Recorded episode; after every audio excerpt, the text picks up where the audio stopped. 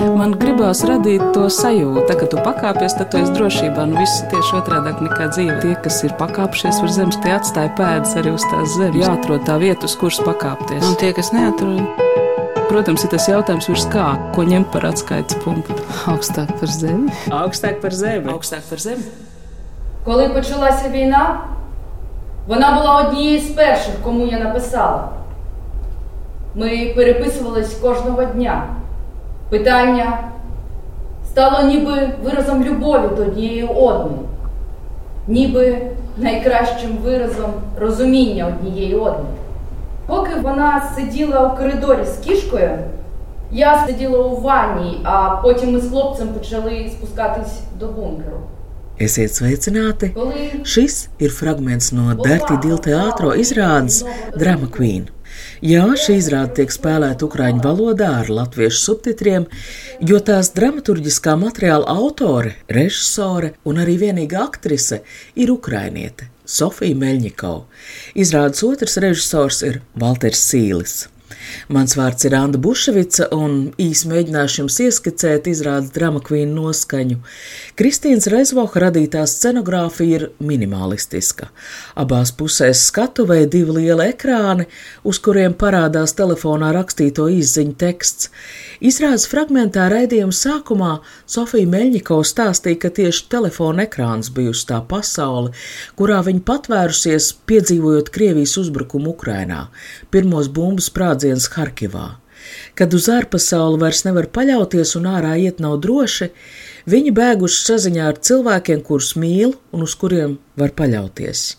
Seko stāsts par bumbu patvērtnē pavadīto laiku, dienas naktis kopā ar svešiem, kurās laika skaitīšana pavisam sajukusi, nervi neizturējuši, un Sofija ar evakuācijas vilcienu devusies garā ceļā pie radiem uz Rīgu. Так, я вас уже все знаю. Sofija, es par jums visu jau zinu.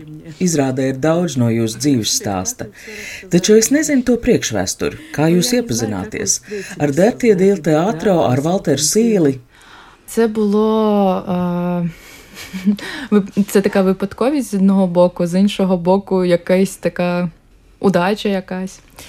Я познайомилась у травні місяці. Mēs ar Kristīnu Rezvohu iepazināmies maijā, un viņa man iepazīstināja ar Annu. Anna Sīla ir Dertī Dīla teātro vadītāja. Anna man piedāvāja radīt izrādi bērniem, un es visu vasaru strādāju pie šīs izrādes teksta. Augustā es atnesu lūgu bērnu izrādēji un teicu, ka man tā kā būtu arī kaut kas uzrakstīts pieaugušajiem. Vēlāk izrādījās, ka Annu Sīli interesē tieši pieaugušajiem domātais materiāls, un viņa man iepazīstināja ar Valteru Sīli kā šīs izrādes otru režisoru. Duži, duži, nu, ja Valter, jūs droši vien nu, no Annas Sīla, tomēr es saprotu jūs dzīves biedri. Jā. Kas notiek ap Dirty Deal teātro, vispār teātra pasaulē? Šie jaunie spēki, šie mākslinieki no Ukrainas, kā viņi iesaistās šajā vidē? Vairākos teātros ir projekti, man liekas, būs vēl ģērbtas ielas teātrī projekts. Nacionālā teātrī bija projekts. Radās tā ideja atbalstīt māksliniekus caur kultūra kapitāla fondu, ka viņi dabūna kaut kādu stipendiju, ka viņi var ar savu radošo darbu nodarboties šeit. Un Detidila, nu, tā viena no misijām vienmēr ir bijusi tiešām būt atvērtai mājai jauniem māksliniekiem.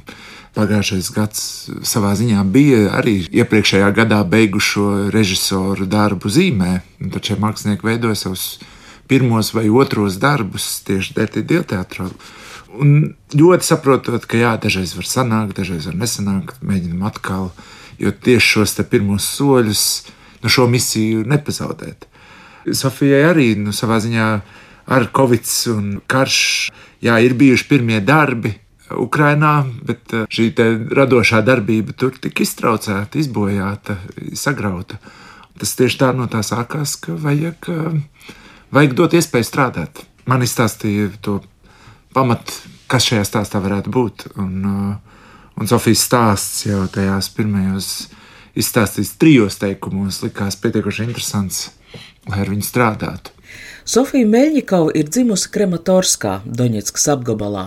Tad viņa pārcēlās uz Harkivu, kur teātris universitātē izstudēja par dramatiskā teātra režisori. Brīdī, kad Ukrainā sākās kara darbība, viņi iestudēja kameroperu. Izrādes sākumā ir neliels video, kurā dziedātājs skaistās balsis liekas tik ļoti no citas pasaules nekā sekojošais stāsts.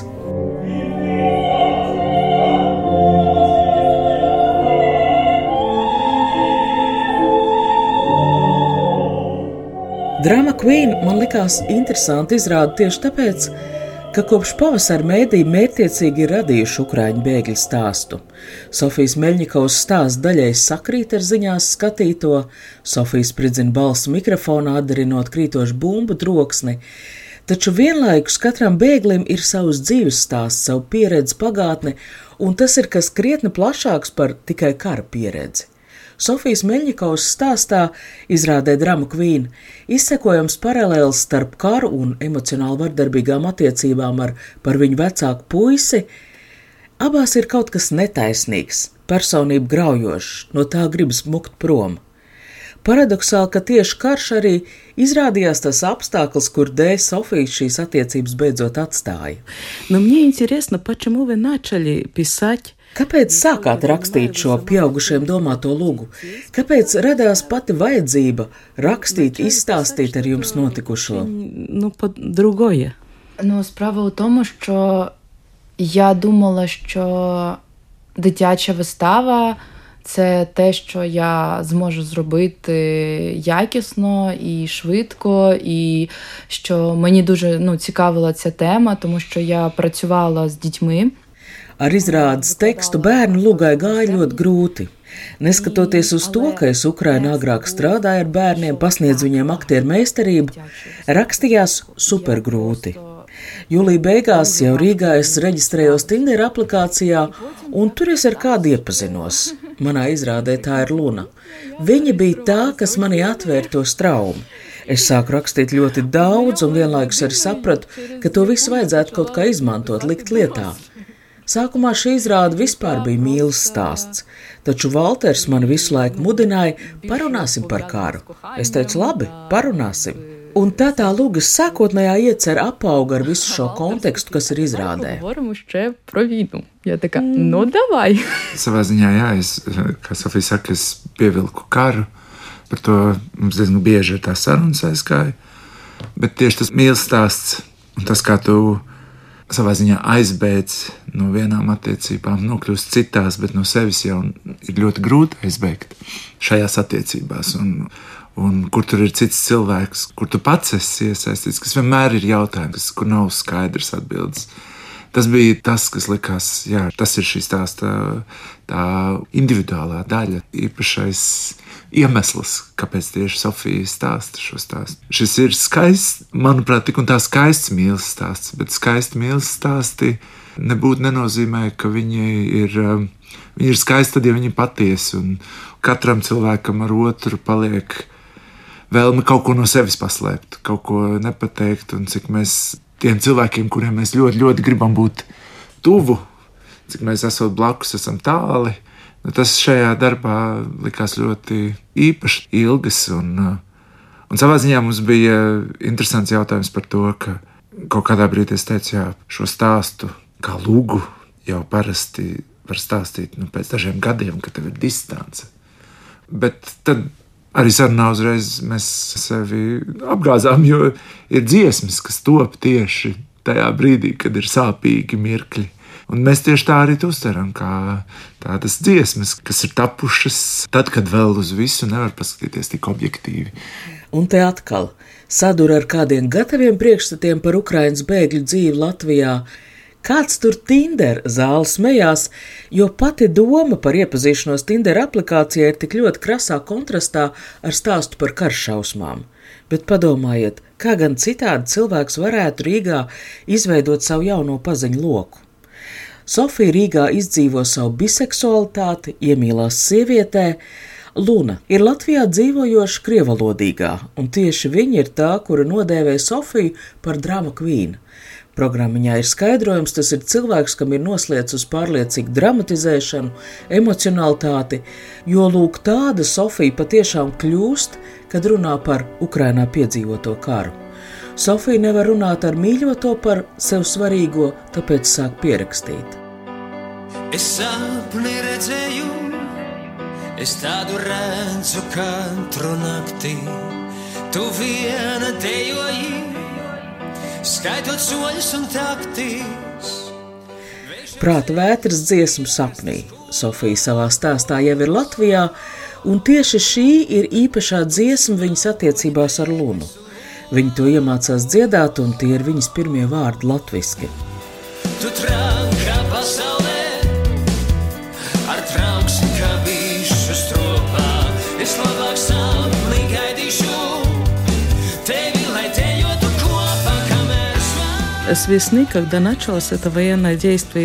Kopš pavasara, kopš Krievijas iebrukuma Ukrainā, mēdī mērķtiecīgi radījuši Ukrāņu bēgļu stāstu, un kaut kādā veidā papildināt vai uzspridzināt šo gatavo stāstu var tikai Ukraiņas bēgļi paši. Mums eh, te Latvijā nav tādas pieredzes vai Не tiesību. можем в Латвии, у которых нет такого опыта это сделать. Ну так, тому що для мене важливо, дуже було важливо виразити те, що біженці Izrādās drama Queen mērķis bija izskaidrot, kā jūtas bēglis no Ukrainas. Jā, viņš jaunajā mītnes zemē ir drošībā, viņš grib komunicēt, iemīlēties, tikt pieņemts, taču vienalga domās viņš ir tur, karā. Pastāvīgi. Nu, kaut vai vakar es sarunājos ar savu krustmātes vīru. Viņam bija dzimšanas diena, es zvanīju, lai apsveiktu, un viņš saka, ka Dņipro, kur atrodas mana mamma, šobrīd lido ienaidnieki bezpilota lidaparāti. Tātad es apsveicu krustmātes vīru dzimšanas dienā, un vienlaikus es uzzinu, ka mana mamma atrodas briesmās, mēs vienalga runājam par karu. Izrādē es gribēju parādīt šo sajūtu. Bēgļi ir cilvēki, kur vēlas atrasties drošībā, mīlēt, priecāties par dzīvi. Nu, ne jau kaut kā pārmērīgi priecāties vai īpaši iemīlēties. Vienkārši baudīt tādu pašu dzīvi kā visi citi normālos apstākļos. Taču visi bēgļi pastāvīgi atrodas kara situācijā. ми навіть я у Латвії, я все одно я знаходжусь у війні. Вы знаете, даже у нас в Латвии та же самая проблема. Ziniet, pat mēs Latvijā izjūtam ko līdzīgu. Kā dzīvot normāli, ja blakus notiek karš? No vienas puses stress, vainas sajūta nav produktīvas emocijas, gribas rāpties ārā no šīs bedres un drīzāk radīt, būvēt ko jaunu. Kad kaut kas labs padarīts, to arī nosvinēt. Taču pēdējā spēļu nakts ceremonija parādīja sabiedrības nespēju atrast līdzsvaru starp svētkiem un pastāvīgo kara radīto stresu.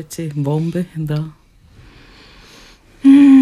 Ну, ось у цьому та й питання, що більшість військових Es, protams, sekoju Ukraiņas ziņu portāliem, un tur ir daudz intervijas ar karavīriem, kur šobrīd atrodas frontē, un viņi tieši runā par to, cik ir gandarīti, kad līdzīgā veidā ziņu portālos ierauga, ka Ukrainā turpinās dzīve, ka cilvēki var padzert kafiju, starp citu daudz brīnās, ka Ukrainā par spīti apstākļiem tomēr strādā kafejnīcas, ka cilvēki dara ikdienas lietas, staidzina suņus, satiekās.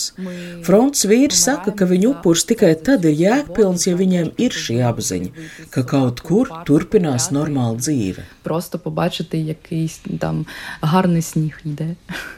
Mūsu saruna ar Sofiju Meļņikovu Valteru Sieli radio studijā notiek trīs valodās. Es jautāju krieviski, Sofija atbild ukrainiski, pēc tam pati to visu tulko krieviski. Par to arī mans nākamais jautājums. Sofija Meļņikova ir krievvalodīgā ukrainiete, taču viens no jūsu lēmumiem Krievijas-Ukrainas karam atsākoties, esot bijis nerunāt vairs krieviski. Arī šī izrāde ir ukraiņu valodā. Так, я спілкувалася здебільшого російською, але в університеті та на репетиціях у театрах я спілкувалася, я намагалася спілкуватися саме українською. Tā kā esmu augusi Donbasā, man apkārt lielākoties visi bija krievalodīgie, tāpat arī vēlāk Harkivā. Man vienkārši pietrūka iespēja runāt ukrainiski, tāpēc līdz pat šim brīdim es slikti runāju, lai gan lūgsnis, kāpēc rakstu tieši ukrainiski. Kad sākās karš, jā, es izlēmu, ka ka man jācenšas pie katras izdevības runāt ukrainiski. Ukraiņsko, zaras rusīsko.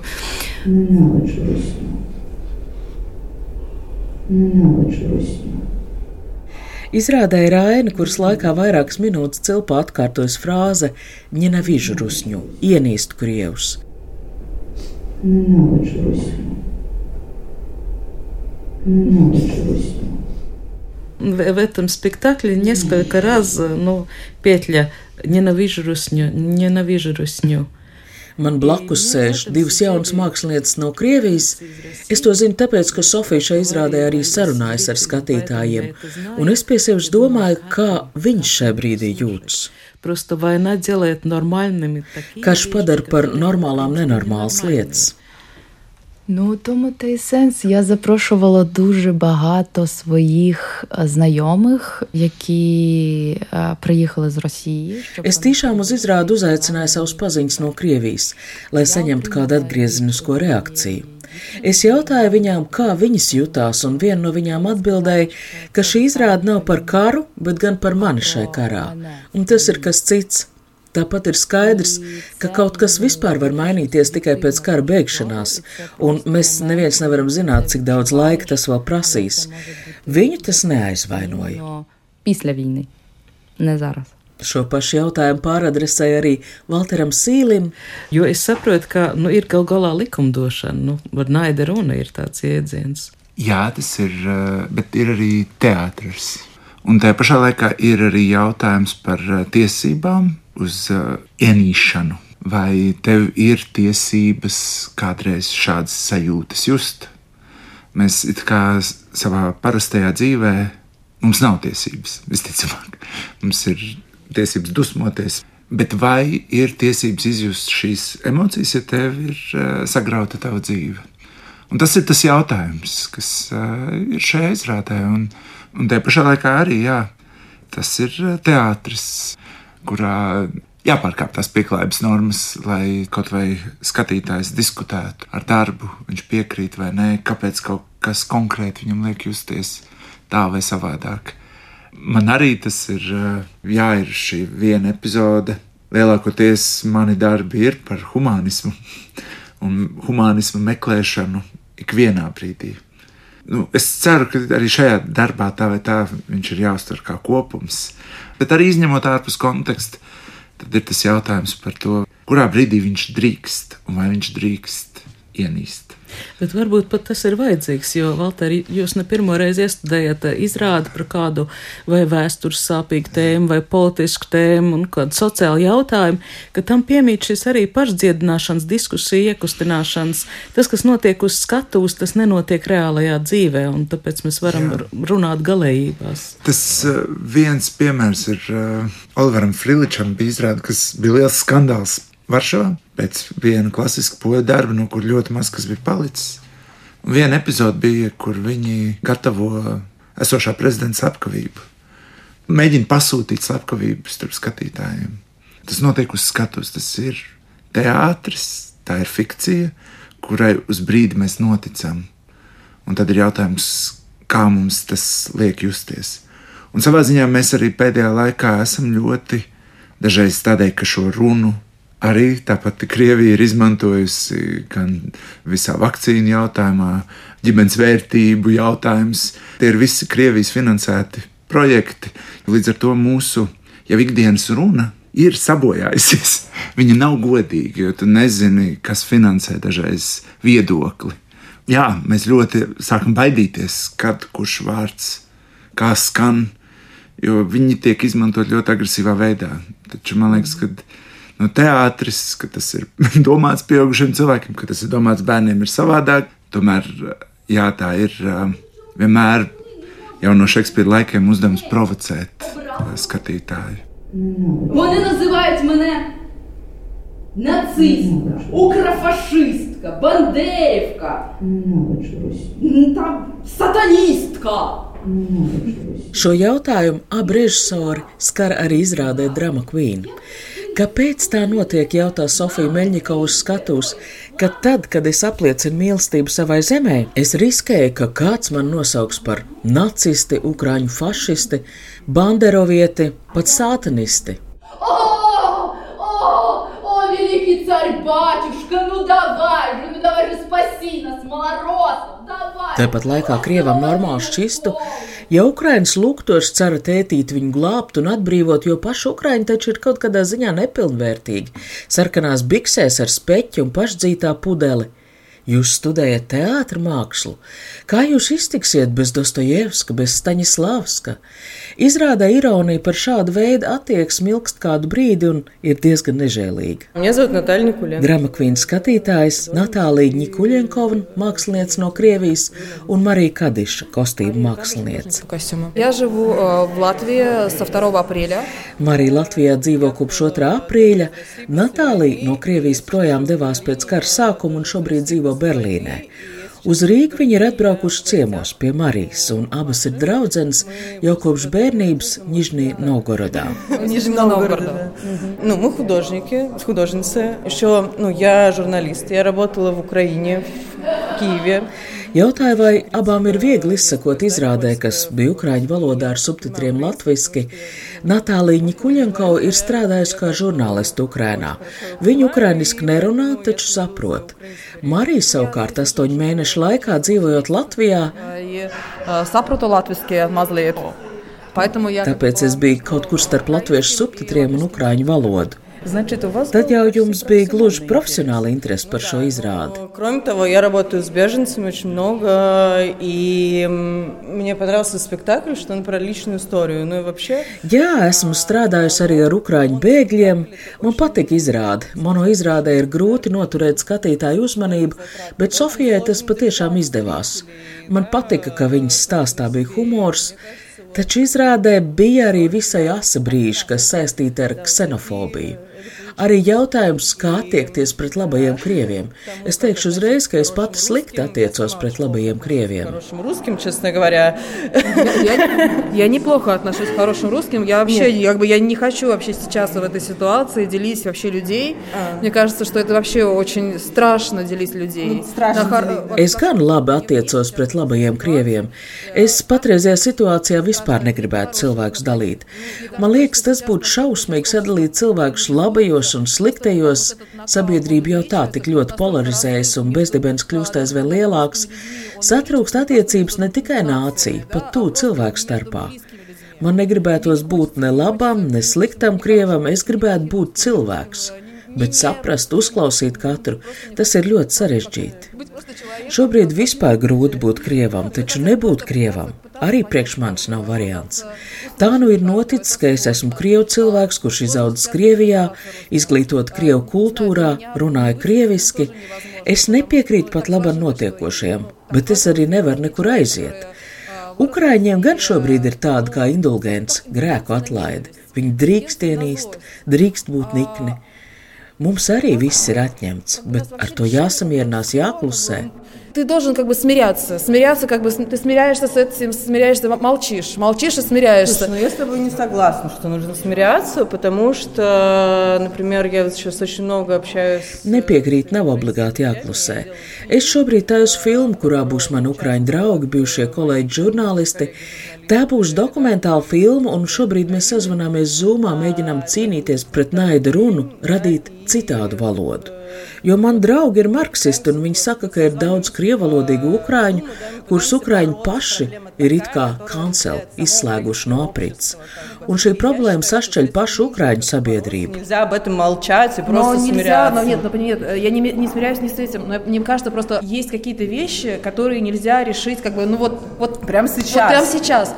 Nē, es nesamiernos, bet ir jautājumi, kurus vienkārši nevar atrisināt tagad. Vajadzīgs laiks, vajadzīgs tos izdzīvot līdzpārdzīvot. Vajag radīt šādas izrādes, vajag skaļi paust savu naidu.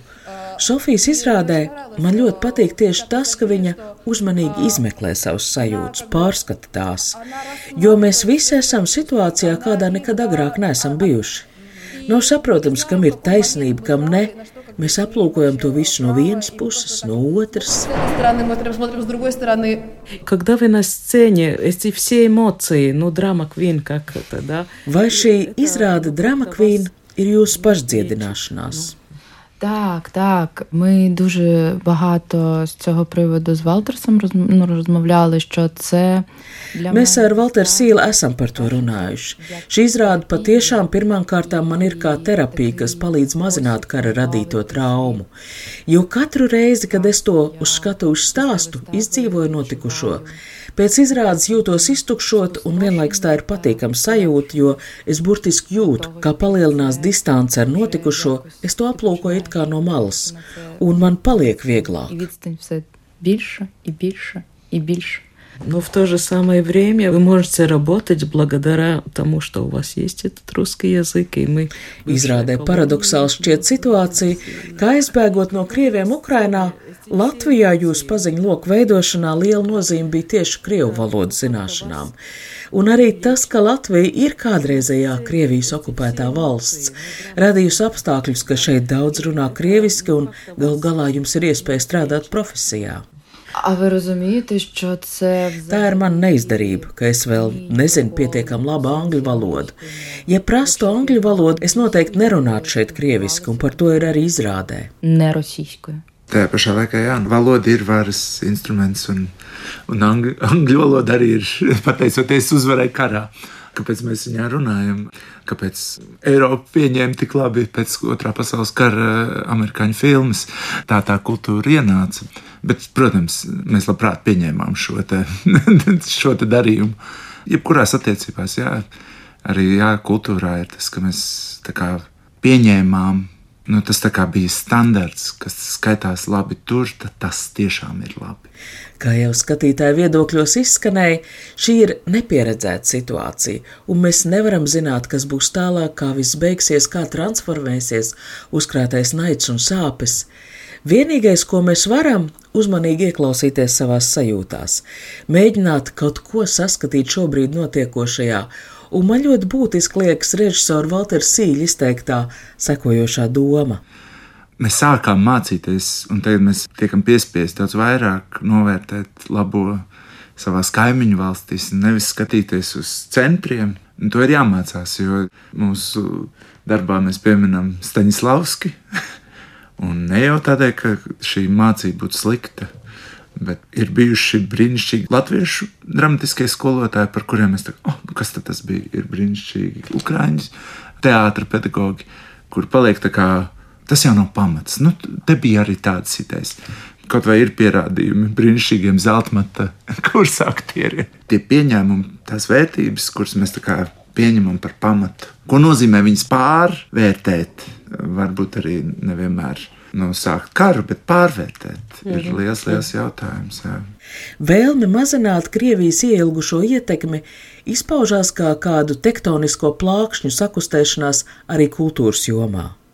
Kā runāt par šo laiku? Dārti Dilteātro izrāde Drama Queen ir arī karaliecība, taču drīzāk tas ir viena cilvēka izaugsmes stāsts. Sofija nekautrējas godīgi atzīties savā apjukumā, neslēpjoties vētīt savas izjūtas. Un man liekas, ka tas arī ir tā teātris īpašā lieta, jā, ko arī mēs vienkārši ieraugam otru cilvēku. Un, un tad, kad mēs redzam viņa vārdus kopā ar cilvēku, tā ir pavisam citādāka izpausme nekā tās kaujas, kuras notiek sociālajos tīklos, kur mēs gandrīz vai kļūstam par pozīcijām, karojošām frakcijām, nevis par uh, cilvēkiem, kuriem varbūt ir ļoti atšķirīgs skatījums uz lietām. Mm -hmm. Bet tad tu ieraugi, kāpēc, kāpēc viņš ir atšķirīgs. Сонце низенько, вечір близенько, сонце низенько, вечір Близенько, спішу до тебе, моє серденько, сонце низенько, вечір близенько, спішу до тебе, моє серденько. Спішу до тебе,